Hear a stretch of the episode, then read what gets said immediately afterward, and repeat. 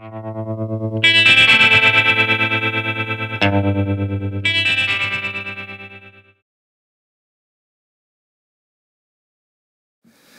dobry, bardzo serdecznie Państwa witam. Powiem jeszcze kilka zdań o sobie. Pracowałem przez wiele lat y, w Rzeczpospolitej, y, w dzień, wcześniej w prawie i życiu. Y, moje doświadczenia dziennikarskie są liczne w życiu Warszawy również. Natomiast od dziewięciu lat pracuję dla mediów Stowarzyszenia Dziennikarzy Polskich. Jestem redaktorem naczelnym portalu sdp.pl. To jest nadal najliczniejsza y, polska organizacja y, dziennikarska, choć y, podziały i wojna polsko-polska jest tam równie silna jak w całym społeczeństwie. Wydałem książkę Knebel Cenzura w PRL-u, która jest zbiorem wywiadów z twórcami, wybitnymi twórcami i bardzo mi właśnie zależało, żeby uniknąć tej bieżącej wojny, tej plemiennej wojny, takiej wyniszczającej polski naród. Dlatego y, postaram się jak najmniej mówić o y, sprawach współczesnych, natomiast będę mówić o historii cenzury w PRL-u.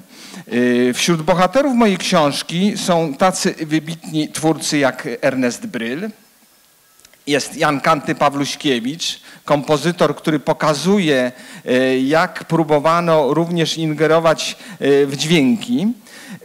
Jest Krause, nie jest to Antoni Krause, reżyser Smoleńska, tylko Andrzej Krause, rysownik Obserwera, między innymi i Guardiana, od lat mieszkający w Londynie. Świetny, znany rysownik, również z łamów Rzeczpospolitej czy Tygodnika do Rzeczy. Jest świętej pamięci Grzegorz Królikiewicz, reżyser moim zdaniem niedoceniony za życia. Y, wielu ludzi, wielu twórców jest niedocenionych za życia. On wyprzedzał swój czas y, i był niezwykle gnębiony przez cenzurę. Jest y, profesor Zbigniew Lew Starowicz, który pokazuje, jak rodząca się wtedy nauka seksuologii miała swoich guru i oni nie dopuszczali innych y, do tej tematyki. Y, no między innymi profesor Imieliński, jak Państwo pamiętacie takie nazwisko, czy Mikołaj Kozakiewicz, późniejszy marszałek Sejmu, ale on, oni się tym zajmowali. I profesor Zbigniew Lew Starowicz opisywał mi między innymi, jak gnębiono Michalinę Wisłocką.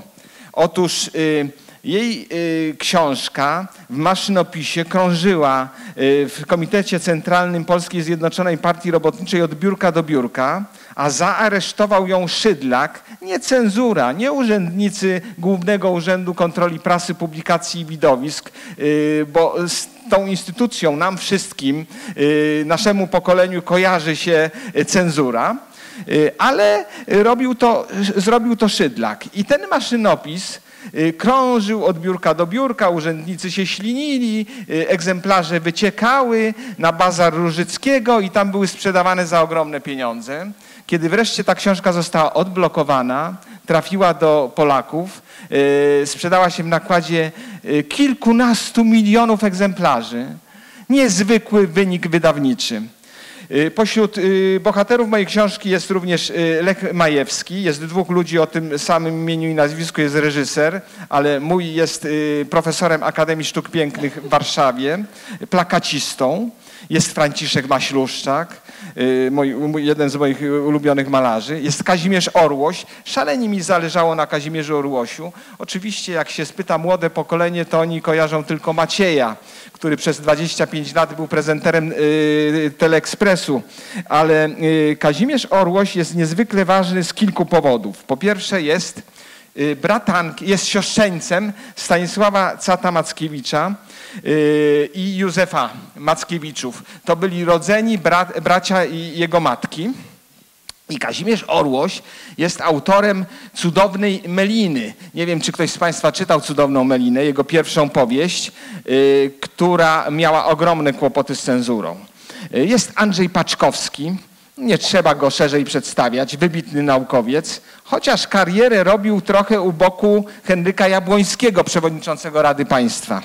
Jest Jan Pietrzak, jest Janusz Rolicki, były redaktor naczelny Trybuny, Y, jest y, Andrzej Rosiewicz, jest ksiądz Ireneusz Skubiś, wieloletni redaktor naczelny Częstochowskiej Niedzieli, Andrzej Strumiło, człowiek być może zapomniany, ale uczeń y, Władysława Szczemińskiego, y, człowiek renesansowy, dlatego że świetny rzeźbiarz, fotograf, poeta, podróżnik, pisarz, poeta, to już mówiłem.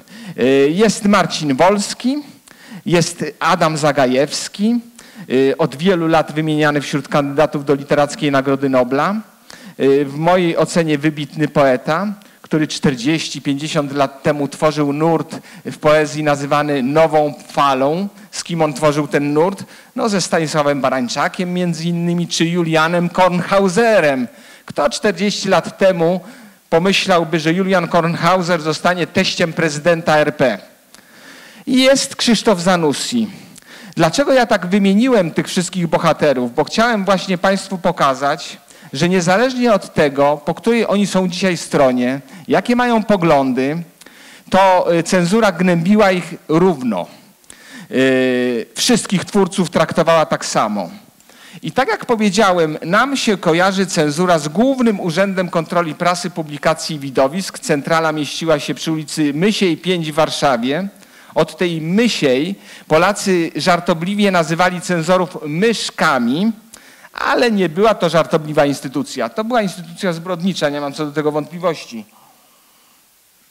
Bo cenzurowanie yy, yy, to, to była zbrodnia na słowie, obrazie, dźwięku, yy, ale pokażę Państwu również, że cenzura to jest o wiele szersze zjawisko, aniżeli tylko ta instytucja. Cenzura to jest jak hydra lernejska, córka Tyfona i Echidny z mitologii greckiej której by odciąć głowę, y, odrasta ona y, w wersji zmutowanej. Tak było w PRL-u, ale cenzura jest stara jak świat. Istnieje na całym świecie, na każdej długości i szerokości geograficznej.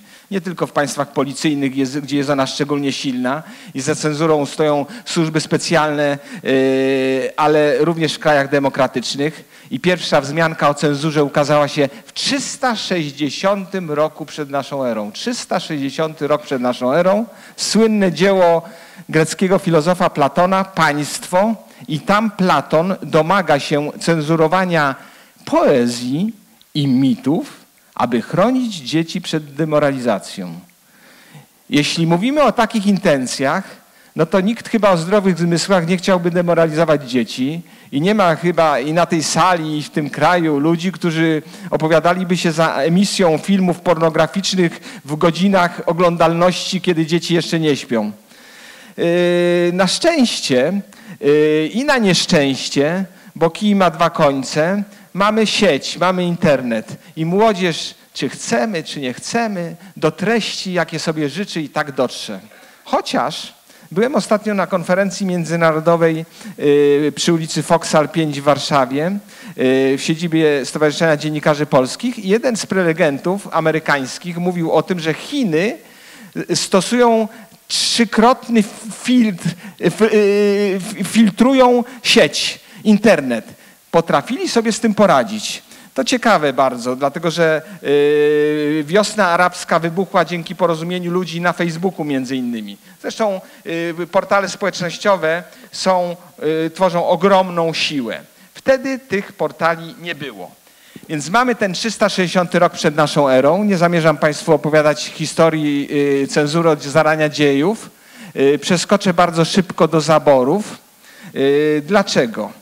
Dlatego, że kiedy przeczytałem list Adama Mickiewicza do Jana Czeczota, również poety, o, o wiele mniej znanego, y, takiego menedżera ówczesnego naszego wieszcza, to byłem zdumiony, zaskoczony. Cóż takiego Mickiewicz napisał? Zgodziłem się na usunięcie akapitu, jak człowiek godzi się na wyłupanie oka, wyłupienie, przepraszam, oka, aby ocalić głowę. Zdumienie moje polegało na tym, że wcześniej, czytając relacje PRL-owskich twórców, ludzi żyjących w zupełnie innej epoce, w innym czasie, w innych warunkach, ich uzasadnienie pójścia na kompromis z cenzurą było dokładnie takie samo. Dokładnie tak samo się tłumaczyli, jak Adam Mickiewicz, który napisał tak w liście do Czeczota, a przecież Cenzura w zaborze rosyjskim była niezwykle represyjna, we wszystkich trzech zaborach, ale w rosyjskim najbardziej. Co nie znaczy, że nie wychodziły gazetki y, domagające się niepodległości Polski. Wychodziły. I mamy y, drugą Rzeczpospolitą i konstytucję 1921 roku, która oczywiście jak każda konstytucja świata mówi o wolności słowa, nie wspomina o cenzurze. Czy przed wojną nie było cenzury? Była również. Była również, tylko była ona represyjna, a nie prewencyjna. Bo jak za chwilę przejdę do PRL-u, to zorientujecie się Państwo, że wszystko było cenzurowane, zanim ukazało się w druku. Natomiast y, w II Rzeczpospolitej można było pisać i wydawać wszystko.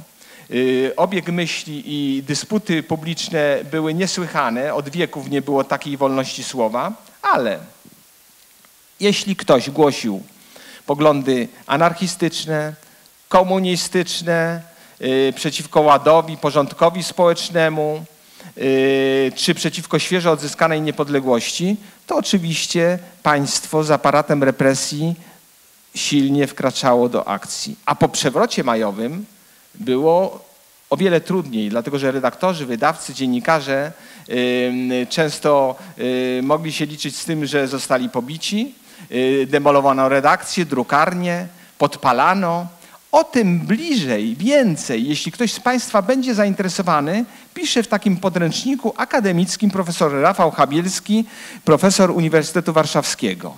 Ale podam jeszcze jeden przykład. Nazwiska już wspomnianego dzisiaj, Stanisław Sadmackiewicz, siedział nawet, nawet w Berezie Kartuskiej.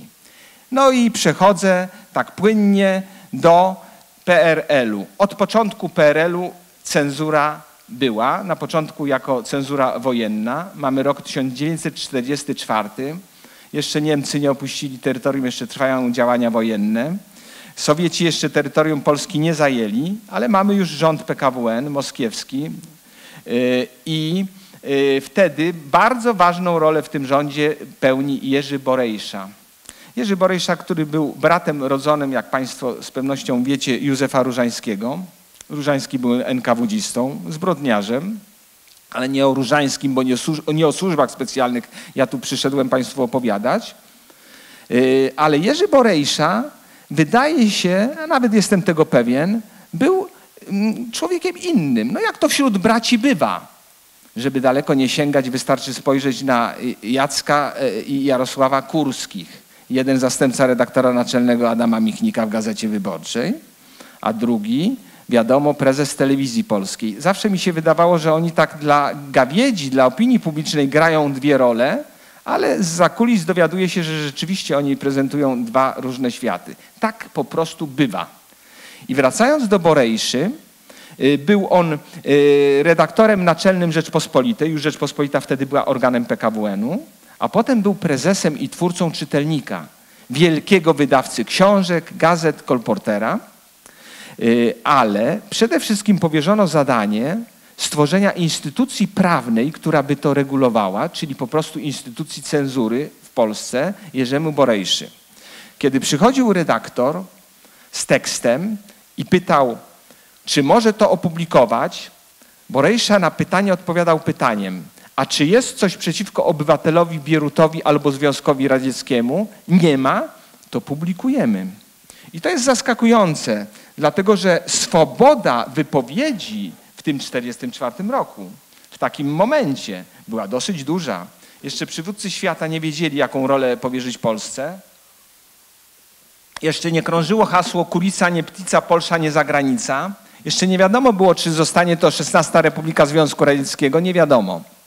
Nie podjęto decyzji. Więc ta swoboda była duża, ale ona się szybko skończyła dlatego że Jakub Berman, zawsze mi się wydawało, że Jakub Berman był prawą ręką Bolesława Bieruta, y, jak wiadomo NKWDzisty i prezydenta tego kraju, ale to Jakub Berman miał na biurku telefon z bezpośrednim połączeniem do Józefa Stalina. To on miał rzeczywistą władzę i on ściągnął do Polski dwóch urzędników moskiewskiej cenzury, tak zwanego Gławlitu. Jeden dżentelmen nazywał się Piotr Gładin, drugi Kazimierz Jarmusz. I oni, ci dwaj panowie stworzyli instytucję, która istniała przez dziesiątki lat, dokładnie od stycznia 1946 roku do kwietnia 1990 roku. Bo instytucję cenzury w Polsce zlikwidował dopiero rząd Mazowieckiego, ale zdumiewające jest to, że ten rząd, y, nie będę go oceniać, bo y, Andrzej Zybertowicz ostatnio zapłacił dużą cenę, cytując Andrzeja Gwiazdę, za ocenę tego rządu. Pamiętacie Państwo ten, ten słynny cytat? No nie wiem, nie wypada mi nawet cytować, bo nie chcę mieć kłopotów z prawem. Yy, yy, otóż no, niestety Zybertowicz musiał przepraszać, bo ponad 30 opozycjonistów uznało, że zostali obrażeni. No dobrze, to muszę, bo nie wszyscy może z Państwa pamiętają. No w końcu to jest cytat. Andrzej Gwiazda powiedział, że komuniści podzielili się władzą przy okrągłym stole ze swoimi agentami. Zybertowicz to powtórzył. Ponad 30 opozycjonistów oprotestowało to. No i słusznie, bo prawda nie jest taka czarno-biała, ale też w to nie będę głębiej wchodzić. Zaskakujące jest to, że rząd Mazowieckiego dopiero w siódmym miesiącu swojego funkcjonowania likwiduje urząd cenzury. Dlaczego? Dlaczego? Zdaniem człowieka, który komunizm zna świetnie, Janusza Rolickiego, komuniści od początku uważali, że słowo obala trony od rewolucji październikowej i bali się, bali się wypuścić spod kontroli słowo y, drukowane przede wszystkim. No bo nie da się ludziom y, zakneblować ust, y, taki jest tytuł mojej książki.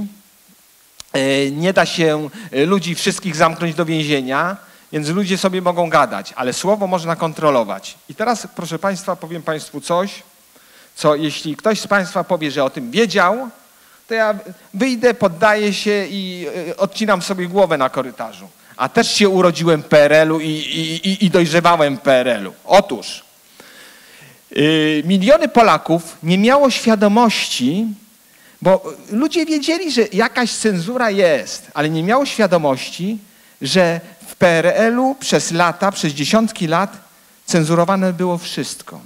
Od gazety, książki, spektakli teatralnych, kabaretowych, yy, plakatów, afiszy, zaproszeń, ale również korespondencji, to Państwo możecie wiedzieć, bo jak y, ktoś y, miał rodzinę w Stanach Zjednoczonych, to co któryś tam list przychodził otwarty, nie wszystkie, bo nie, nie, nie, da się y, bezpieczniaka zmusić do tego, czy, żeby każdą kopertę otworzył i każdy list przeczytał, ale również nekrologii, instrukcje obsługi maszyn, a nawet etykiety na słoikach z drzemem.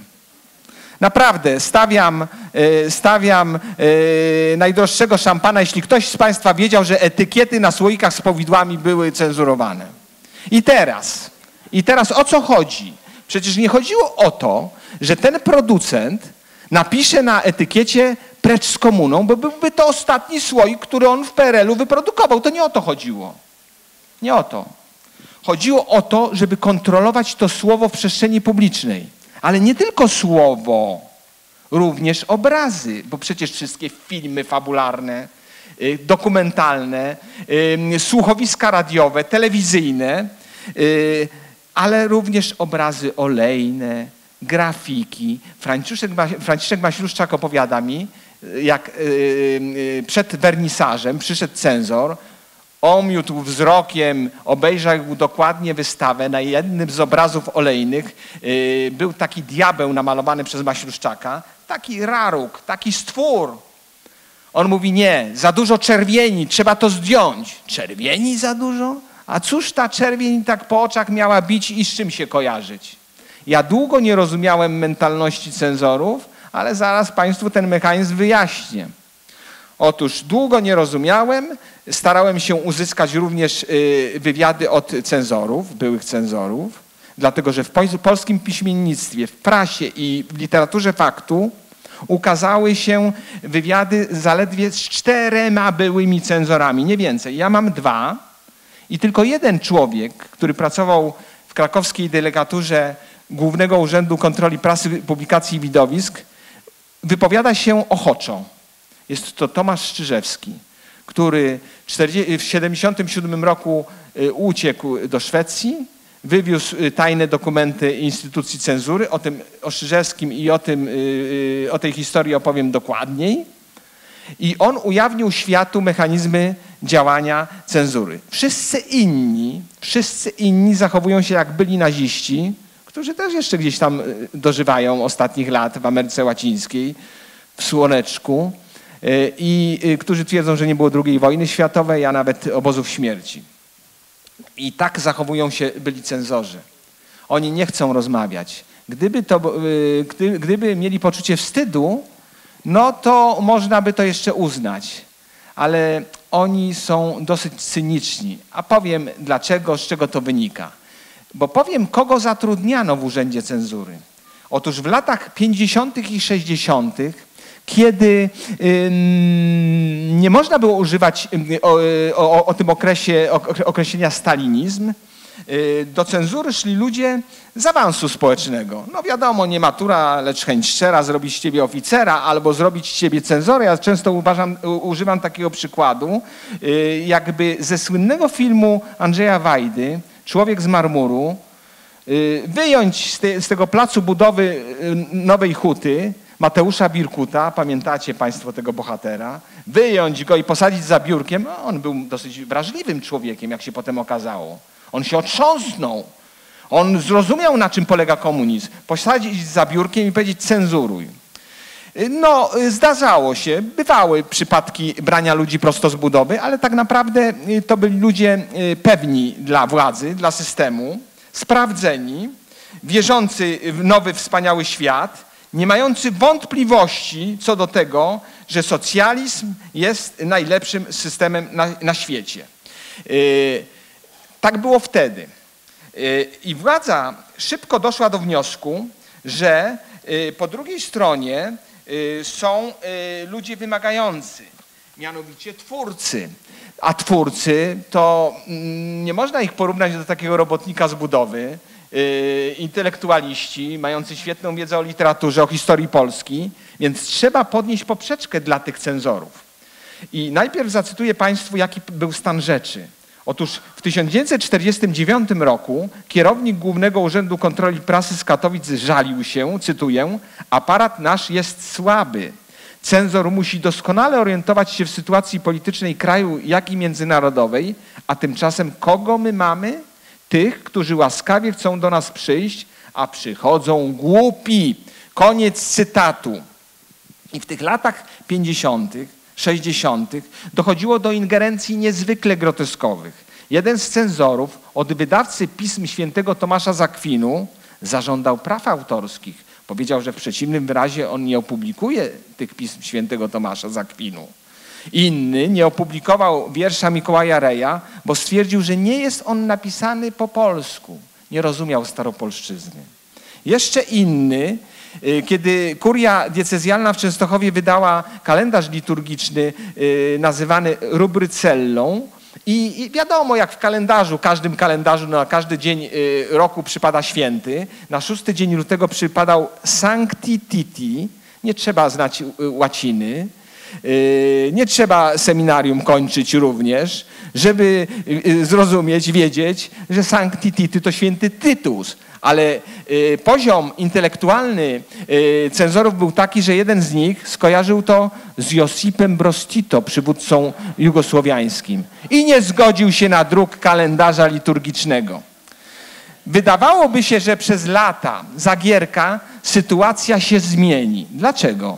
Dlatego, że już Zagierka był wymóg wykształcenia wyższego, zatrudniano już filozofów, historyków, polonistów, ludzi znakomicie znających literaturę i zna, znających historię Polski. Oni doskonale wiedzieli, kto jest y, autorem obrzydliwego kłamstwa w Katyniu, y, mordu w Katyniu, choć milionom Polaków kłamano przez dziesiątki lat że byli to Niemcy. Przez dziesiątki lat utrzymywano kłamstwo katyńskie, między innymi, bo wiele innych kłamstw z historii Polski, niektóre do dzisiaj się utrzymują, y, ale Y, ci y, mądrzy ludzie też dokonywali ingerencji zaskakujących, y, ale z innego punktu widzenia. Otóż profesor Stanisław Bylina, dyrektor Instytutu Historii Polskiej Akademii Nauk, zajmował się naukowo ruchami heretyckimi w średniowiecznej Europie i pisał siłą rzeczy o paleniu czarownic na stosach. A to było po 1976 roku, po y, dramatycznych wydarzeniach w Ursusie i w Radomiu. I cenzorzy zdejmowali mu te książki, nie dopuszczali do druku, bo nie chcieli, żeby ludzie kojarzyli y, y, z procesami robotników. Przewrotne myślenie, przewrotne, ale oni byli szkoleni po to, żeby wyłapywać metafory, porównania, parabole, y, a przecież to są naturalne środki wyrazu y, artystycznego, literackiego, czy poetyka maski. Y, Zbigniew Herbert, słynny powrót prokonsula, napisał w poetyce maski. Oczywiście była to alegoria państwa komunistycznego też, ale przecież to jest naturalny sposób wypowiedzi twórców ale oni byli szkoleni, żeby wyłapywać te konotacje, żeby ludzie nie kojarzyli tego antysocjalistycznie. I nie dopuszczali często podręczników naukowych takich jak o gadach prehistorycznych czy zwyczajach ludów afrykańskich. Tak jakby każdy polski autor był Orwellem i pisał folwark zwierzęcy. Tak wcale nie było. Wielokrotnie tak nie było. Czyli oni dopatrywali się więcej niż rzeczywiście było. Yy, taka, tak byli nastawieni. I, kiedy się do jednego z nich zwróciłem, a starałem się o wywiady u wielu, yy, ten yy, mój bohater Andrzej Hampel, jeśli ktoś z Państwa być może ma związki z Łodzią, to chciałbym zauważyć, że był y, po pierwsze działaczem PRON-u, był, y, był szefem Wydziału Propagandy Komitetu Wojewódzkiego PZPR w Łodzi, był szefem telewizji, jednej z gazet, chyba Głosu Robotniczego, ale tego już nie pamiętam. W każdym razie zwróciłem się do niego z prośbą o rozmowę, a on mówi, że z takimi pytaniami to niech się pan zwraca do gminy żydowskiej. I G, przepraszam, ale nie rozwinę tego słowa, bo jest brzydkie, kogokolwiek obchodzi, co on w życiu robił. Y, no nie rozumiałem tego. No na tym etapie nie rozumiałem, dlaczego ja mam się zgłosić do tej gminy żydowskiej. No przewrotność myślenia byłego cenzora była niesłychana. Nie wiedziałem, o co, o co w tym wszystkim chodzi. Proszę Państwa, jakie tematy były szczególnie drażliwe, na jakie byli najbardziej uwrażliwieni? Wszystko, co dotyczy Związku Radzieckiego od rewolucji październikowej, historia komunistycznej partii Związku Radzieckiego, ruchu robotniczego, relacji polsko-radzieckich, historia ruchu robotniczego w Polsce, y, aresztowanie y, polskich przywódców, przywódców AK w Moskwie, y, Katyń, oczywiście powstanie warszawskie. Wszystkie te tematy były, oni, oni byli na to uwrażliwieni. Ale również klęski ekologiczne. Tomasz Strzyżewski opowiadał mi, jak y, gdzieś tam był wypadek y, zrzutu y, nieczystości w Czechosłowacji, taka klęska ekologiczna i rzekami, płynęło to do polskich rzek, a potem do Bałtyku, mieli zakaz publikacji na ten temat. Cenzorzy, i to jest bardzo ważne, nie kierowali się własnym intelektem, doświadczeniem i wiedzą, choć już ci Zagierka byli dobrze wykształceni. Otóż oni kierowali się księgą zaleceń y, i instrukcji cenzorskich. Co to takiego było? Ta księga fizycznie wyglądała w twardych oprawach, jak w niejednym urzędzie dzisiaj dokumenty się trzyma, w twardych oprawach, takie metalowe koła i wpinano białe karty, a na tych kartach były szyfrogramy, naklejone paski, które szły z Komitetu Centralnego Polskiej Zjednoczonej Partii Robotniczej, z Wydziałów Propagandy, Wydziału Prasy, z Komitetów Wojewódzkich do delegatur przez Milicję Obywatelską. Y, I co tam było? No, y, na przykład nie można było pisać w danym momencie o pomorze krów na Lubelszczyźnie. I Jan Pietrzak, który jest autorem takiego słynnego y, monologu y, Czarna krowa w kropki bordo, gryząc trawę kręci mordą. Z pewnością Państwo to znacie. Cenzor mu to zdjął. I on, ponieważ był w PZP, że rzadko dopuszczano twórców do cenzorów, ale on się dopchał i pyta się, no co pan, krowy nie widział, o co tu chodzi? A cenzor mówi nie i nie. I nie wyjaśnił mu, o co chodzi. A właśnie wtedy był pomór krów na Lubelszczyźnie i w danym momencie historycznym to słowo krowa, zwykłe, niewinne słowo krowa było zabronione, tak jak po wypadkach w Radomiu Nie można było o Radomiu mówić. Marcin Wolski pracował wtedy w radiowej Trójce i opowiadał mi, że nie można było powiedzieć, nie wiem, zwykłego, wypowiedzieć zwykłego komunikatu, dzieci wróciły z wakacji w Radomiu. W tym momencie. Bo cenzura była sinusoidą, proszę Państwa. Nie wiem, jak Gomułka był u władzy, no to oczywiście o nim pisano, ale kiedy go odsunięto, to to nazwisko już trafiło na listę y, zakazaną. Tak jak nazwisko Haliny Mikołajskiej po 1976 roku, kiedy współtworzyła Komitet Obrony Robotników, a film y, wtedy realizowany Krzysztofa Zanussiego Barwy Ochronne był jednym z najbardziej zmasakrowanych, jak nazwisko profesora Leszka Kołakowskiego, który był rewizjonistą w PZPR-ze, potem wyemigrował, więc, czy Czesław Miłosz, te nazwiska były zakazane, ale wiadomo, rewizjoniści PZPR-ze walczyli z reżimem, z państwem policyjnym przy pomocy y, klasyków głównie, Marksa, Engelsa i Lenina, cytatów, ale nie można było klasyków również w całości cytować. Ba, powiem więcej. Y, traktat y, Karola Marksa o cenzurze pruskiej był najbardziej zabronionym tekstem w PRL-u. Nie można go było publikować w ogóle. Nie można było pisać o zjawiskach społecznych, że to są zjawiska społeczne jak alkoholizm. Owszem, Józef K. upił się gdzieś w jakiejś fabryce, albo spadł z roweru, albo zabił kogoś prowadząc samochód po pijaku, ale to mógł być jednostkowy przypadek, ale nie było choroby społecznej, alkoholizmu, narkomanii, czy nie zabijano nienarodzonych dzieci. Nie. Te, te informacje nie przeciekały. Cenzorzy, proszę Państwa, yy, byli kastą wybranych. Właśnie za Gierka. Za Gierka ich było najwięcej. Zresztą w ogóle aparat administracyjny za Gierka, jak Państwo wiecie, był rozbuchany. Ale tak jak za Gomułki było ich mniej więcej w całej Polsce 300, tak, za Gierka było ich 550. No i zadacie Państwo pytanie, dlaczego filozofowie, historycy czy poloniści szli do, szli do cenzury? No możecie sobie zadać takie pytanie. Y, a może to jest pytanie retoryczne? Może odpowiedź jest jednoznaczna. Otóż Jan Krzysztof Kelus, laureat Orła Białego, y, napisał taki dialog. Powiedz mi, bracie, to jest pytania, których nie zadam. Tak, taki był tytuł tej piosenki. Powiedz mi, bracie, co robi filozof w cenzurze? No wiesz, bracie, życie jest życiem, a tam czysta, nieczysta, zamiast 4800 na rękę 8400. I to jest jedna z motywacji. Kasa była ogromna, ale dostawali oczywiście talony na samochody i mieszkania od ręki. Rozmawiałem z jednym z takich, który dostał mieszkanie w Warszawie bez żadnego problemu. Ale było jeszcze coś innego. Mianowicie legitymacja cenzora była silniejsza od immunitetu poselskiego dzisiaj. Kiedy zatrzymano prowadzącego w stanie nietrzeźwości cenzora, pokazał legitymację, to milicja go puszczała. Powiem więcej. Szefowie mówili im tak, będziecie mieli jakiekolwiek kłopoty z prawem, pokazujcie legitymację, bo wy jesteście najważniejsi.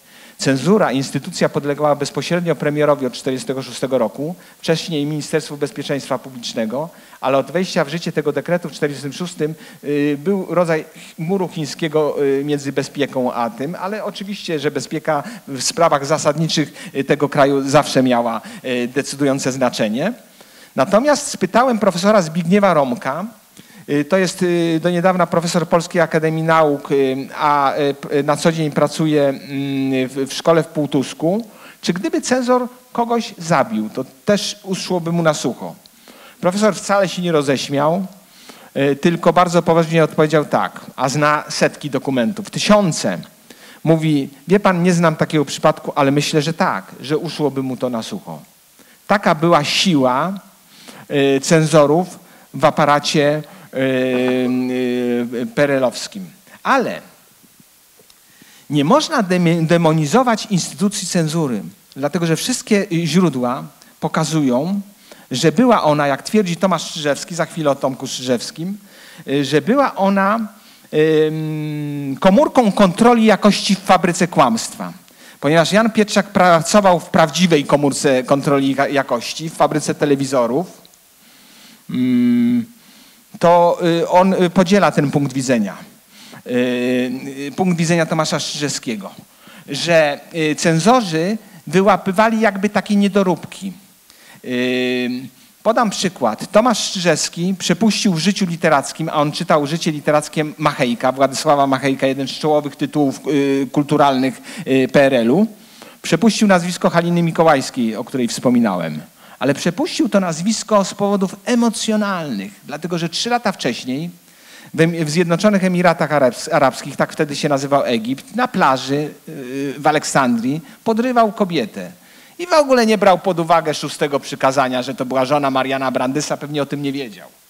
Pewnie nie miał zielonego pojęcia nawet, że jest wybitną aktorką, bo była przecież świetną aktorką. Po prostu facet podrywał kobietę przy drinkach, yy, na leżaczkach, no i tak się zadumał, że przepuścił to nazwisko, ale, proszę Państwa, cenzorzy także byli cenzurowani. Mianowicie y, ci w delegaturach byli cenzurowani w Warszawie, jeden z nich to wyłapał i odebrano Szyrzewskiemu to życie literackie, dostał y, jakąś gazetę Nowej Huty, jakąś gazetę y, zakładu produkcyjnego, już się poważnymi sprawami nie zajmował. Któż to jest ten Tomasz Szyrzewski? Czy ktoś z Państwa y, y, wie, kto to jest Tomasz Strzelecki, zna jego historię? Proszę, bez, bez przeszkód. Bez wstydu powiedzieć, czy ktoś zna, bo ja powiem z, z, z, pełnym, y, nie wiem, powiem bez wstydu. 10 lat temu nie wiedziałem, kto to jest Inka Siedzikumna. Nie miałem zielonego pojęcia, czy szędzielarz, major Łupaszka. Nie miałem zielonego pojęcia. My wiele z tych nazwisk Y, często bohaterów, niezależnie od ich roli. Ja nie będę tutaj oceniać wyklętych, niezłomnych, y, bo to nie jest moja rola tutaj. Y, Tadziu Płużański może tu zasiąść i, i Państwu opowiedzieć, bo jest autorem kilku, może kilkunastu książek, prezes Łączki tak zwanej. Ale naprawdę my nazwiska polskich bohaterów dopiero teraz odkrywamy. Joanna Siedlecka uważa, że Tomaszowi Strzyżewskiemu należy się Order Orła Białego. Kiedy na, e, rozmawiałem z, o tym z moim kolegą z Rzeczpospolitej, znamy się od wielu lat, więc jesteśmy rzecz jasna po imieniu, z Bronkiem Wilsteinem, la, e, laureatem tego, e, ma orzeł biały. On mówi, wiesz co, tak, należy mu się wysokie odznaczenie, ale czy od razu orzeł biały? Wychodzi taka typowa polska cecha, że jak ktoś jest na Parnasie, to chciałby być w jak najmniejszym gronie. Więc któż to jest ten Tomasz Strzeżewski? Otóż proszę Państwa, on pracował przez 17-18 miesięcy w krakowskiej delegaturze Głównego Urzędu y, Kontroli Prasy, Publikacji i Widowisk. O tym już mówiłem. Był starszym radcą, czyli w największym skrócie można powiedzieć był cenzorem. Niestety Tomasz, wszystkich, którzy nazywają go cenzorem, y, podaje do sądu o naruszenie dóbr osobistych, choć taką rolę pełnił, ale pełnił rolę Walenroda, i y, y, spełnił rolę historyczną. Y, przez te kilkanaście miesięcy przepisywał księgę zapisów instrukcji cenzorskich, tę tajną księgę, tajne dokumenty, które normalnie były trzymane w kasach pancernych i potem te dokumenty wywiózł do Szwecji. Ale oddajmy mu głos. To jest zbiór rozmów, więc są pytania i odpowiedzi albo wtrącenia. I ja pytam go tak. Czarną księgę cenzury przepisywałeś przez 18 miesięcy na dyżurach w drukarni. Bałeś się? On. W pokoiku drukarni przy ulicy Bielopole w Krakowie zamykałem się na klucz. Zapisów były setki, a udawało mi się wykroić dwa razy po kilka, kilkanaście minut w tygodniu. Nieraz ręka mi drżała, a duszę miałem na ramieniu. Często metody ingerencji były finezyjne. W przypadku jakiejś krytyki systemu zalecano wprowadzać takie słowa jak niekiedy, nie zawsze, niektóre, czasami, gdzie niegdzie. W ten sposób krytyczna opinia rozmywała się. No, miliony Polaków dostawały do ręki gazetę, państwo też, i tam nie było y, białych plam, y, pieczątek cenzorskich, podpisów, Dopiero po 1981 roku, bo Solidarność w sierpniu 80 roku, moja książka ma 21 wywiadów, rozmów, a Solidarność miała 21 postulatów. Wśród tych 21 postulatów w sierpniu 80 roku jeden z nich domagał się likwidacji Urzędu Cenzury w Polsce. Nie udało się to, ale udało się y, y, Solidarności doprowadzić do nowelizacji ustawy o cenzurze. Ta nowelizacja weszła nomen omen w 1981 roku, ale wkrótce wprowadzono stan wojenny i gazety przestały wychodzić. Dopiero powoli, powoli wracały one na rynek. I wtedy można było już zaznaczać ingerencje cenzorskie, ale robiły to tylko pisma katolickie, Tygodnik, y, tygodnik Powszechny, Przewodnik Katolicki, Częstochowska Niedziela i wszystkie inne. Ale można było też cenzurę podać do sądu. To jest niesłychane. Ale można było, i to jest szokujące, nawet z nią wygrać. Andrzej Rosiewicz wygrał, chodziło o dwie piosenki i orzeczenie yy, Naczelnego Sądu Administracyjnego jest w tej książce. Ale kontynuuję wypowiedź Tomasza Szczyżewskiego. W ten sposób krytyczna opinia rozmywała się. Zdanie nabierało nowego smaku. Manipulując tekstem, można było odwrócić intencje autora. Nikogo nie wtajemniczałem w swoje plany. W domu trzymałem notatki w szafie na ubrania, w specjalnej skrytce za dyktą. Gdyby ktoś na mnie doniósł, skrytka by nie pomogła. Miałem wrażenie, że dopóki nikt mnie nie przyłapie, dopóty nie będę budził podejrzeń, udawało mi się. Teraz z perspektywy lat, czasu, bo my oczywiście z perspektywy półwiecza, no nawet więcej, y, patrzymy na to, to to się wydaje dosyć śmieszne i chłopięce działanie. Ale takie było. Gdyby y, Służba Bezpieczeństwa y, dokonała rewizji w jego mieszkaniu, pewnie wymig. W kilka minut odkryto by tę skrytkę i, i, i, i pudełko po butach i te tajne dokumenty i Tomasz trafiłby do więzienia, a myślę, nie jestem tu odosobniony, że dostałby kulę w łeb. Idźmy dalej z jego historią. Moje pytanie. Ostatni dyżur w drukarni miałeś ze środy na czwartek, 10 marca 1977 roku, tuż przed północą. Wsiadłeś na prom ze Świnoujścia do Istad. Oficjalnie jechałeś na urlop, ale na plecach, pod marynarką, niczym James Bond, miałeś przepisaną księgę zapisów cenzury Tajne dokumenty PRL. Odpowiedź. W weekend delegatura nie pracowała. Chciałem jak najszybciej znaleźć się w Szwecji, zanim cokolwiek odkryją.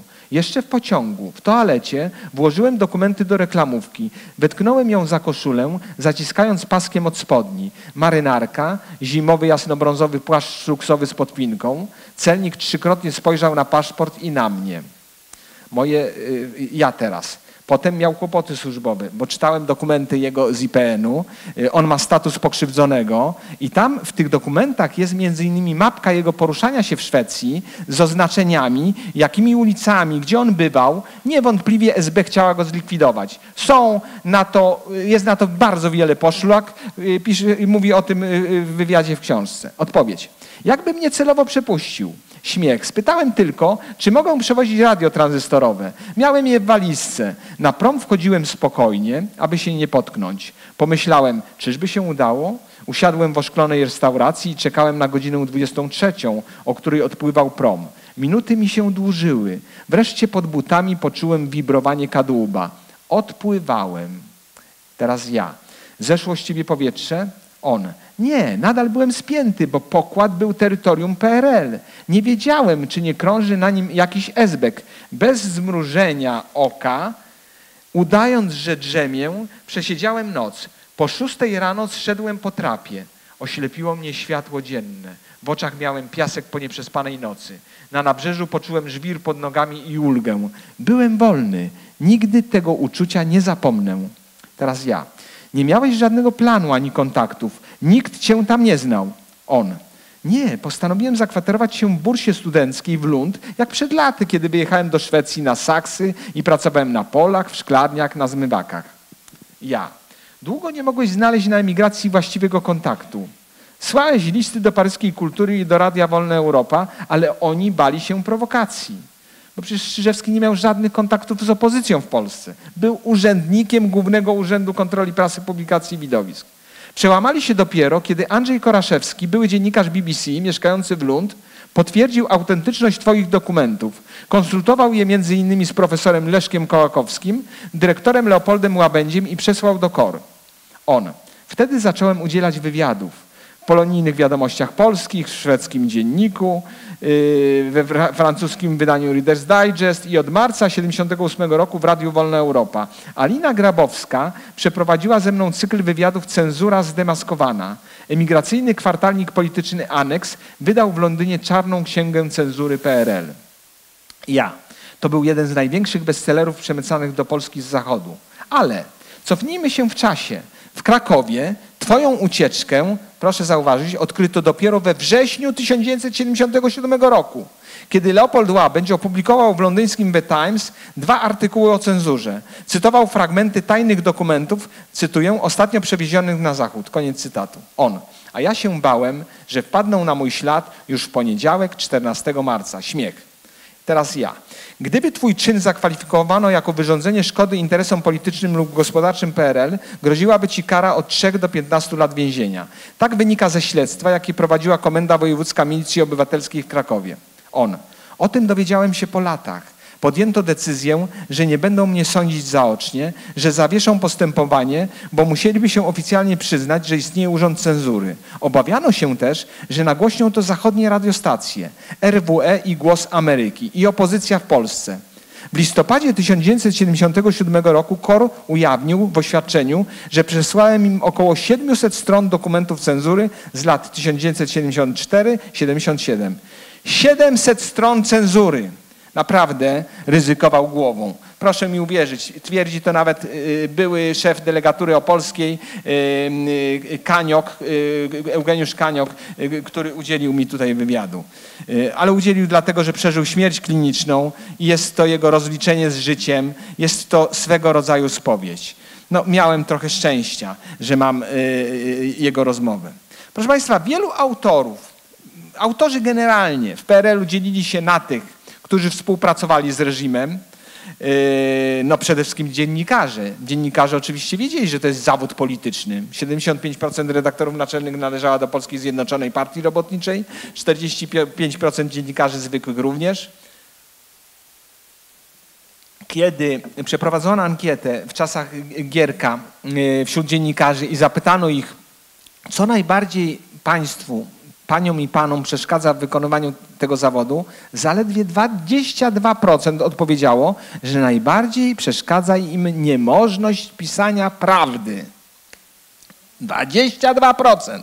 Czyli coś, co powinno być istotą tego zawodu, dla mnie zawsze było istotą, niezależnie od y, prawdy, proszę Państwa, bo tu nie wchodzimy w definicję tischnerowską, bo, każdy, bo są projekcje prawdy i tak dalej, ale wiemy generalnie o co chodzi.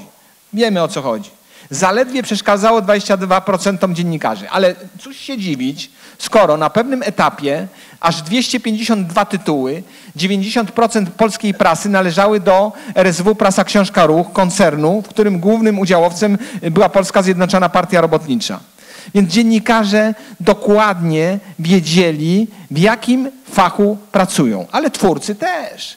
No i y, ci, którzy y, działali na rzecz y, państwa komunistycznego, mieli limuzyny służbowe, mieszkania i prywatne samochody, jeździli bez przerwy za granicę. No cóż, kto dzisiaj czyta ja pytałem, wczoraj byłem w Zawierciu na takim spotkaniu autorskim, codziennie mam spotkania autorskie i pytałem pani dyrektor, kto czyta, wypożycza książki Haliny Auderskiej na przykład, albo Jerzego Putramenta, a nawet Wojciecha Żukrowskiego, przecież jego kamienne tablice były lekturą obowiązkową. Kto ich czyta? Jerzego Worcela. I mógłbym tak wymieniać, wymieniać, wymieniać i tych twórców, biorę w cudzysłów to słowo, yy, no ich, yy, ich, to co oni pisali nie przetrwało y, czasu, bo przecież Dostojewskiego i Kawkę się czyta, bo to jest prawdziwa, wielka literatura. Ale to nie znaczy, że oni wszyscy, nawet Andrzej Kuśniewicz byli do niczego, no bo niektórzy z nich dotykali absolutu i, i, i wielkiej literatury. Ale oprócz tego byli ludzie, którzy byli skazani na niebyt. Opowiem Państwu jeden przypadek człowieka, którego nazwisko już wymieniłem mianowicie Kazimierza Orłosia. Jest rok 1972, kiedy Kazimierz Orłoś składa w, w, w, w czytelniku y, swoją y, maszynopis swojej, maszynopis, y, rękopis swojej pierwszej, no może maszynopis, powieści Cudowna Melina. Zbigniew Załuski, który był szefem komórki partyjnej przy Związku Literatów Polskich, porównał Y, tę cudowną melinę do rewizora Gogola. Dla młodego pisarza, bo jak się ma 36-37 lat, to jest to młody pisarz, Można być wybitnym y, poetą w wieku 18-19 lat, ale nie będzie się prozaikiem wybitnym. Do tego potrzebne jest jednak doświadczenie, wiedza, a przede wszystkim oczytanie. Bo ja zawsze swoim studentom mówię, że pisanie polega na czytaniu. Trzeba czytać, czytać, czytać. On miał 36 lat i dostał już bardzo prestiżową nagrodę Kościelskich. Do dzisiaj jest uznawana za, za prestiżową. Przyznaje się ją, w, y, odbiera się ją w Genewie w Szwajcarii. Y, no i y, kiedy z tej Genewy udał się do Paryża, do Jerzego Giedroycia, to umówił się z nim, że jeśli czytelnik mu nie opublikuje tej powieści, to prześle kartkę pozdrowienia tam z Warszawy i Giedroyć opublikuje w paryskiej kulturze. I y, y, zanim to się stało, bo rzeczywiście tak się stało, y, to Załuski mówi do Orłosia tak, słuchaj, a jakbyś tak wymienił bohaterów, i teraz muszę kilka zdań powiedzieć, o czym jest ta cudowna Melina. Otóż Kazimierz Orłoś z wykształcenia jest prawnikiem i był radcą prawnym na budowach socjalistycznych, wielkich budowach w tym kraju.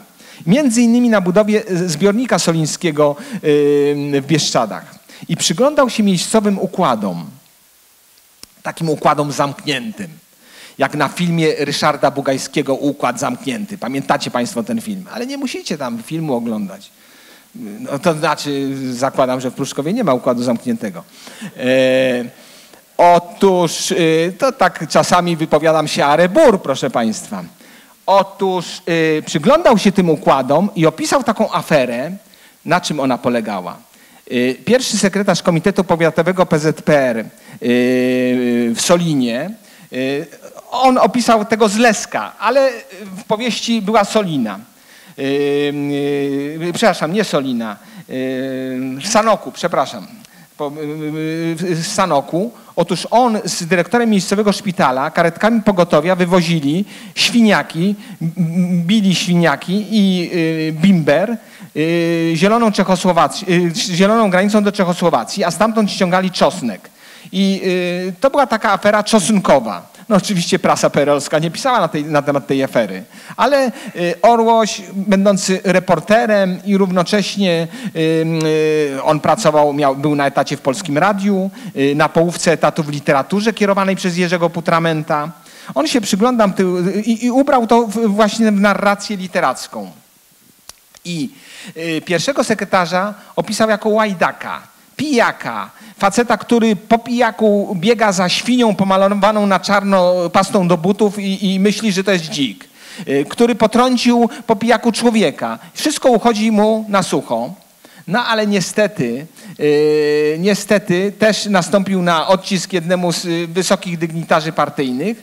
Y, no i wściekli byli w partii, wezwali go do KC. Jeden mówi, ale pan źle opisał nasz system. Oj, źle pan nasz system opisał.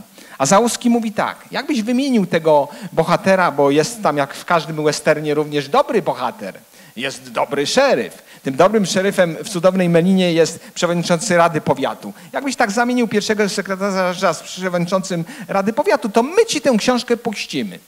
Ale Orłoś mówi nie. Ja, ja na takie ustępstwa nie idę.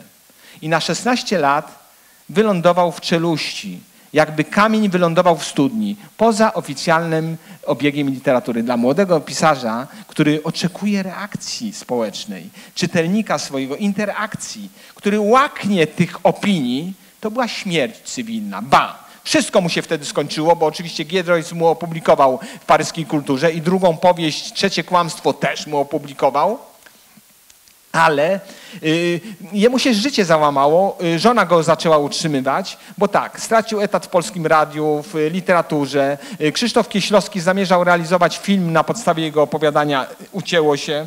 Miał mieć tłumaczone coś na język niemiecki. Wszystko się skończyło dla tego człowieka. Był pierwszym pisarzem młodego pokolenia, który opublikował w paryskiej kulturze, bo pierwszym w ogóle, to Państwo wiecie, był Jerzy Andrzejewski. Więc y, niektórzy twórcy twierdzą, że grali z cenzorami i z cenzurą. Na przykład Marcin Wolski y, y, opowiada mi, że przez dwa dni pił wódkę z jednym z cenzorów z Łodzi i mówi, że jak byli przyzwoici ludzie, to można się było z nimi dogadać i coś przepchnąć. Ja tej hipotezy nie potwierdzam. Nie potwierdzam z bardzo prostego powodu. To były trybiki w wielkiej machinie propagandy, bo, y, y, bo cenzura była prawą ręką propagandy. Jej celem było y, tworzenie takiego wizerunku Polski, która osiąga sukcesy ekonomiczne, cywilizacyjne, kulturowe. Cenzura, ta czynność polegała na cenzurowaniu prawdy. To jest bardzo istotne. Otóż gra toczyła się o to, co dotrze do opinii publicznej. Ale nie było czegoś takiego, co dzisiaj nazywa się powszechnie fake newsem, czyli fałszywej informacji. Nie. Wtedy, w tych czasach, y, do, y, y, urzędnicy dokonywali selekcji prawdziwych informacji. Chodziło o to, żeby Polacy nie byli dobrze poinformowani o, to, o tym, co się w tym kraju dzieje, tylko żeby byli dobrze nastawieni do tego ustroju, do tego systemu. Więc nie podzielam tego punktu widzenia y, Wolskiego, y, że z cenzorami można było coś ugrać. Y, I podam przykład, jeden z wielu, które znam. Otóż Tadeusz Nalepa skomponował Sen Szaleńca. Pamiętacie Państwo ten utwór? Chciał wydać płytę. To był 1983 albo 1984 rok. Okładkę do Snu Szaleńca zaprojektował Lech Majewski, profesor warszawski ASP. Y, na tej okładce umieścił barda Solidarności, leniwie leżącego na kanapie, między palcami u stóp, palcami y, w kształcie litery V. Wszyscy wiemy, co oznaczało to V w stanie wojennym, w ogóle po, y, po zdławieniu Solidarności, po karnawale Solidarności. I, I, między palcami płonęła kartka na mięso, też symbol stanu wojennego w pewnym sensie. Otóż Cenzor powiedział, że tej okładki nie opublikuje. Wtedy twórcy dorwali się, dobili się do y, Głównego Urzędu, do samego zastępcy dyrektora Głównego Urzędu Kontroli Prasy, Publikacji i Widowisk. Ten pan jeszcze żyje, ale zaraz ujawnię jego nazwisko. Otóż yy, wysłuchał ich argumentów, przybił im pieczątkę, oni szczęśliwi wracają do wydawcy i wydawca mówi, ale słuchajcie, ale ja wam tego nie, nie, nie wydam, tej płyty. A dlaczego? Dlatego, że on się zgodził na druk, ale nie zgodził się na rozpowszechnianie. Potrzebne były dwie pieczątki, na druk i na rozpowszechnianie. A kto ich tak zrobił w konia? Czy pamiętacie Państwo, a na pewno pamiętacie, były takie dwie książeczki wydane w milionach egzemplarzy. Gramatyka na wesoło i ortografia na wesoło. Pamiętacie Państwo te książeczki? A kto był autorem? Profesor Przecinek. No, oczywiście to był pseudonim. Ale za tym pseudonimem kryło się nazwisko Witolda Gawdzika. Witold Gawdzik był zastępcą dyrektora Głównego Urzędu Kontroli Prasy, Publikacji i Widowisk. I tak na wesoło Witold Gawdzik zrobił twórców. To tylko jeden z przykładów. Proszę Państwa, chciałbym Państwu jeszcze y, dać próbkę y, dwóch cytatów z mojej książki, żeby pokazać, że ja z tymi twórcami nie rozmawiam na kolanach.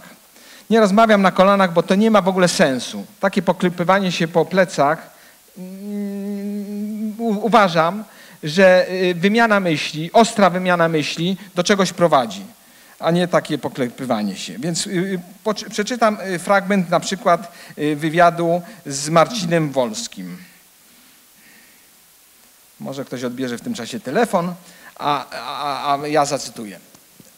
Ja, jak pan trafił do tygodnika satyrycznego Szpilki w 1966 roku w wieku 19 lat? Doborem kadr w mediach zajmowała się PZPR, a pan w niej jeszcze wtedy nie był. On. Przyprowadził mnie poeta zaprzyjaźniony z moim ojczymem Leon Pasternak. Wiele lat wcześniej naczelny Szpilek. Wtedy rewizjonista patrzący już dość krytycznie na PRL.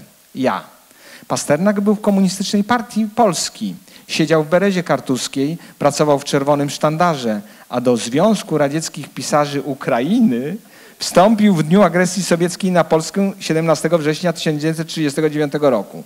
To mogła być, to nadal ja, dobra rekomendacja w państwie reżimu komunistycznego. Miała dla pana znaczenie? On. Ogromne. Do dzisiaj mam teorię, że człowiek z ulicy nie ma szans, nikt jego tekstu nie przeczyta, choćby nawet był Hemingwayem, Pasternak nie miał wpływu na to, czy moje teksty ukażą się w druku, ale było pewne, że ktoś się nad nimi pochyli.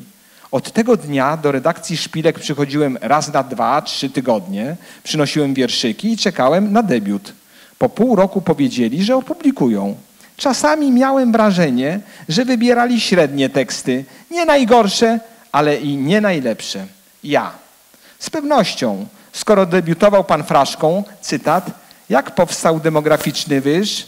Ona chciała i on tyż. Koniec cytatu. Jerzy Drygalski, to nadal ja, i Jacek Kwaśniewski w książce Nierealny socjalizm twierdzą, że przy rekrutacji do PRL-owskich mediów nie decydowały kwalifikacje, tylko nepotyzm, więzy towarzyskie i rodzinne. On. Nie znam żadnej epoki ani kraju, łącznie ze Stanami Zjednoczonymi, tam rzekomo na wszystkie stanowiska są tajne konkursy, gdzie nie decydowałyby znajomości. Znajomości decydują o wszystkim. Zdarzają się wyjątki od tej reguły, ale trzeba mieć zaparcie Stephena Kinga, któremu 26 wydawnictw odsyłało teksty, negatywne opinie narastały, ale nie zniechęcało to młodego pisarza. Nie twierdzę, że ci wydawcy byli idiotami. No, bo trzeba być idiotą, aby się nie poznać na talencie Kinga. Po prostu nikt z nich jego opowiadań ani powieści nie czytał. Mówiłem Państwu o tym, jak y, autorzy próbowali grać z cenzurą. Rzeczywiście niektórzy, nie, nie, niektórzy prowadzili taką grę w, y, w kotka i myszkę. Y, mieli poczucie, że coś przecisnęli. Podaj, podam Państwu przykład, jak to robił Andrzej Wajda, a opowiada mi to Krzysztof Zanussi w swojej wypowiedzi. Otóż czy to oznacza, pytam y, Zanussiego, że grał pan z cenzurą i z władzą? Kieślowski w filmie Krzysztofa Magowskiego Tren na śmierć cenzora mówi, cytat, próbowaliśmy grać z cenzurą przy ciągłej obawie, że coś stracimy i potem już nic nie będzie można, koniec cytatu. On odpowiada, oczywiście, że grałem, ale nie tak genialnie jak Wajda, który parę razy nakręcił sceny specjalnie, żeby cenzura je wycięła. Wyrzucając największe szpice, cenzorzy nie dostrzegali, że reszta jest również szpiczasta. W niewinnych czarodziejach bohaterowie nad ranem chodzą po cmentarzu i zmieniają na nagrobkach tabliczki zakowskich na bataliony chłopskie, a pijani grabarze wrzeszczą. Kradną nam nasze groby. Cenzor krzyczał, jak można coś podobnego nakręcić?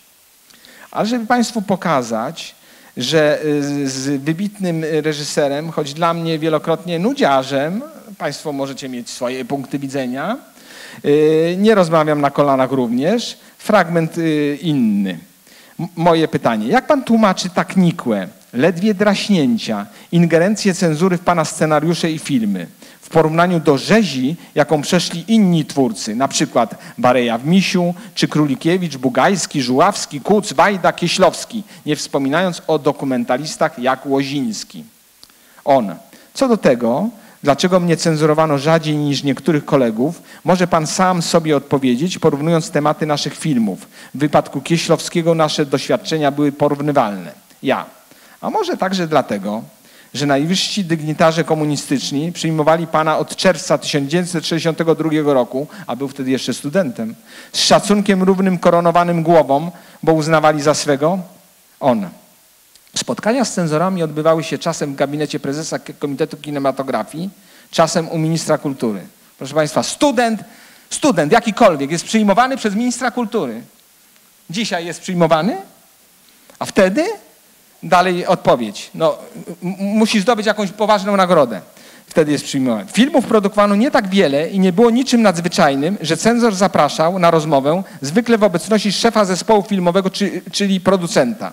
To, że sprawa z iluminacją doszła do Szydlaka, nie było żadnym wyjątkiem, bo w okresie wczesnego Gierka władza bardzo zabiegała o to, by w oczach świata, a przynajmniej Radia Wolna Europa, wypaść pozytywnie. Więc w sprawach ideologicznych wolała szukać kompromisu, na który poszedłem, a nie działać gwałtownie. Jego przyjmował Szydlak, między innymi. No przecież to był dygnitarz, niesłychany. I ostatnie pytanie i odpowiedź, proszę Państwa. Muszę podkreślić przed, tym, przed odczytaniem tego pytania i odpowiedzi, że wszystkie rozmowy były autoryzowane, bo ja wszystkie rozmowy autoryzuję przez całe swoje życie. Pytam go tak. Pan nie był w PZPR i za, i zaprzecza współpracy z SB, nie przypisuje sobie pseudonimu aktor, aktor, ale może oni mieli w tej kwestii odmienny punkt widzenia. Odpowiedź. To pytanie graniczy z niegodziwością Zadaje mi Pan pytania po części obraźliwe, ale odpowiadam w dobrej woli, ufając, że szuka Pan prawdy, nie sensacji.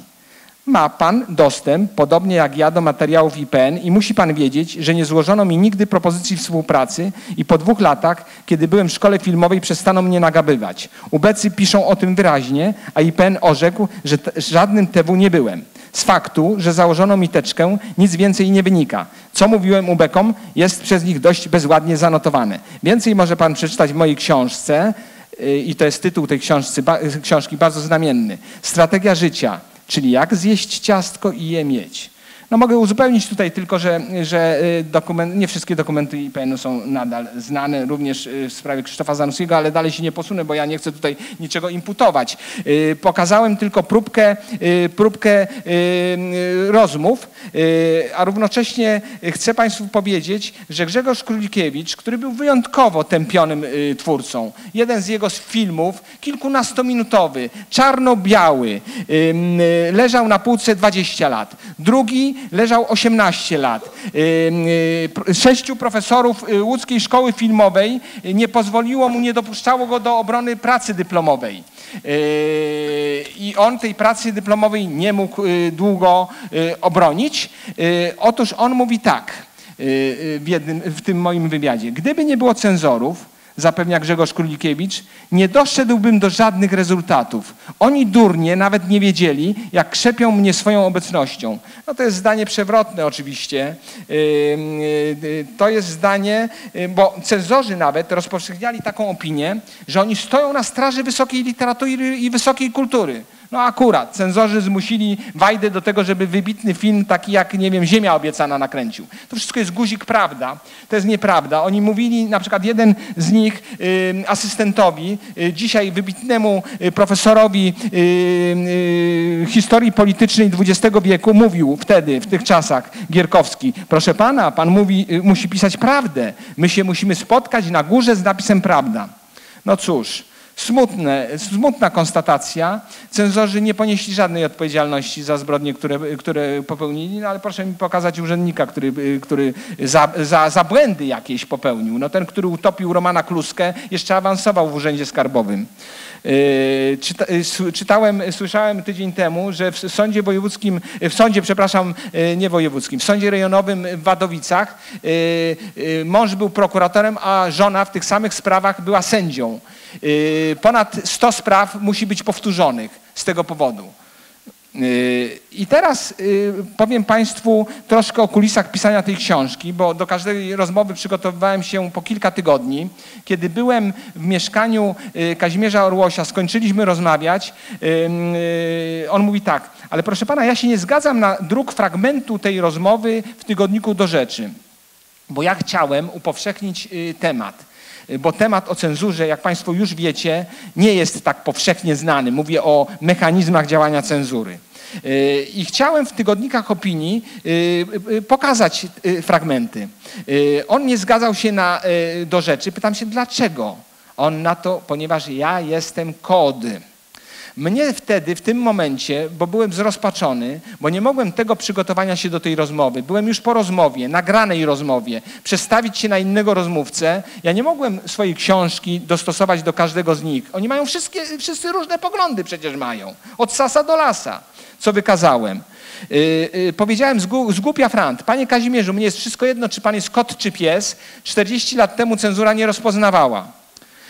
No i yy, książka wyszła. Yy, yy, Orłoś zgodził się ostatecznie na druk fragmentu we wrocławskiej Odrze i przysłał mi taki mail, list. Fragment zacytuję. Chcę także pogratulować panu książki, którą powoli i dokładnie przestudiowałem. On nie przeczytał tej książki, tylko przestudiował. Z rozmów wyłania się rzeczywiście przerażający obraz dewastacji, jakiej dokonywała cenzura we wszystkich dziedzinach życia w PRL, kreując fałszywy obraz, nakazując milczenie lub przeinaczanie i kłamstwa. Kiedy dziś o tym czytam, mam wrażenie, że wtedy nie do końca zdawaliśmy sobie sprawę, czym jest cenzura i jaką spełnia rolę. Tym bardziej dla współczesnego czytelnika opowiedzenie, czym była i opisanie tego wszystkiego jest tak ważne. I na koniec, proszę Państwa, mówiłem dużo o instytucji, ale tak naprawdę najsilniejsza w PRL-u była autocenzura i cenzura wewnątrzredakcyjna. Gra toczyła się o to, co dotrze do opinii publicznej. Wielu ludzi narzucało sobie filtr yy, autocenzury. Na przykład Adam Zagajewski, którego naprawdę uważam za wybitnego poetę, uważał, że cenzura jest jak niebo, lipy, woda. No ale przecież yy, nie, ma, nie było tak mądrych ludzi, którzy by uważali, że runie mur berliński. Nawet tak przenikliwy człowiek jak yy, Stefan Kisielewski, a Kisiel był mądrym publicystą, mądrym człowiekiem. Otóż on też nie przewidział upadku muru berlińskiego. To wszystko, o czym my w tej chwili mówimy, to jest z perspektywy czasu. Oni myśleli, że w tym systemie i z cenzurą umrą. Kisielewski uważał, że cenzura zmasakrowała mu 90% twórczości. Kiedyś, tak szacuję, kiedyś był tak zdeterminowany, tak bardzo łaknął, chciał opublikować kolejny felieton w Tygodniku Powszechnym, że napisał tematem tego felietonu, uczynił spacer po lesie. Jak Państwo myślicie, cenzura przepuściła czy nie? Cenzor nie przepuścił, uzasadniając, że nawołuje on do walki partyzanckiej przeciwko systemowi socjalistycznemu w Polsce. Kisielewski mówił, że twórca trzymany pod szafą może być tylko jamnikiem. E, e, I najważniejsza była cenzura wewnątrzredakcyjna. Ja sam zaczynałem już u schyłku PRL-u, ale jednak w PRL-u, w 1985 roku jako dziennikarz i pytam się y, kolegów, dlaczego nie ma tego akapitu, dlaczego to zostało zmienione? A oni mnie, naiwniakowi wtedy, mówili cenzura, cenzura. Ale ja nie wiedziałem, że istniała oficjalna delegacja uprawnień ze strony instytucji cenzury na redaktorów naczelnych i sekretarzy redakcji. To oni byli cenzorami, w tych redakcjach przede wszystkim byli cenzorami. Jeśli się autor nie dostosował do potrzeb propagandy, to oni to zrobili za niego. Ba, niestety, są źródła, które potwierdzają, że ta cenzura oficjalna, urzędowa była tą komórką kontroli jakości i ingerencji było niewiele. Stosunkowo niewiele. Otóż yy, autor biografii Edwarda Gierka, Człowiek z węgla, yy, pisze, że w jednym z lat, yy, jeden był rok taki za czasów Gierka, że ingerencji cenzorskiej było 10 tysięcy ra, y, razy w ciągu roku. To nie jest tak wiele.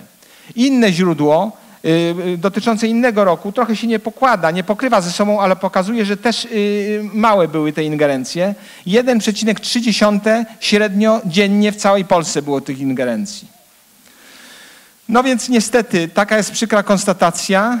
Y, w PRL-u przecież wychodziło wiele wybitnych dzieł, bo wspomniałem Ziemię obiecaną, to jest fantastyczny film. Y, y, I można by wymieniać wiele kolejnych. Ale my, śmiejąc się dzisiaj do rozpuku, oglądając po raz 30 raz Misia, komedię Barei, nie wiemy tak naprawdę, i jak bardzo ona została zmasakrowana. Nie wiemy, jaka była w pierwotnym kształcie. I tak naprawdę nie da się oszacować strat, jakie poniosła polska kultura z powodu działania cenzury. Bo nie wiemy, ilu nie mamy przez to Wajdów, czy yy, Kieślowskich, czy Herbertów. I tym chciałbym zakończyć zasadniczy wątek mojej wypowiedzi. Dziękuję.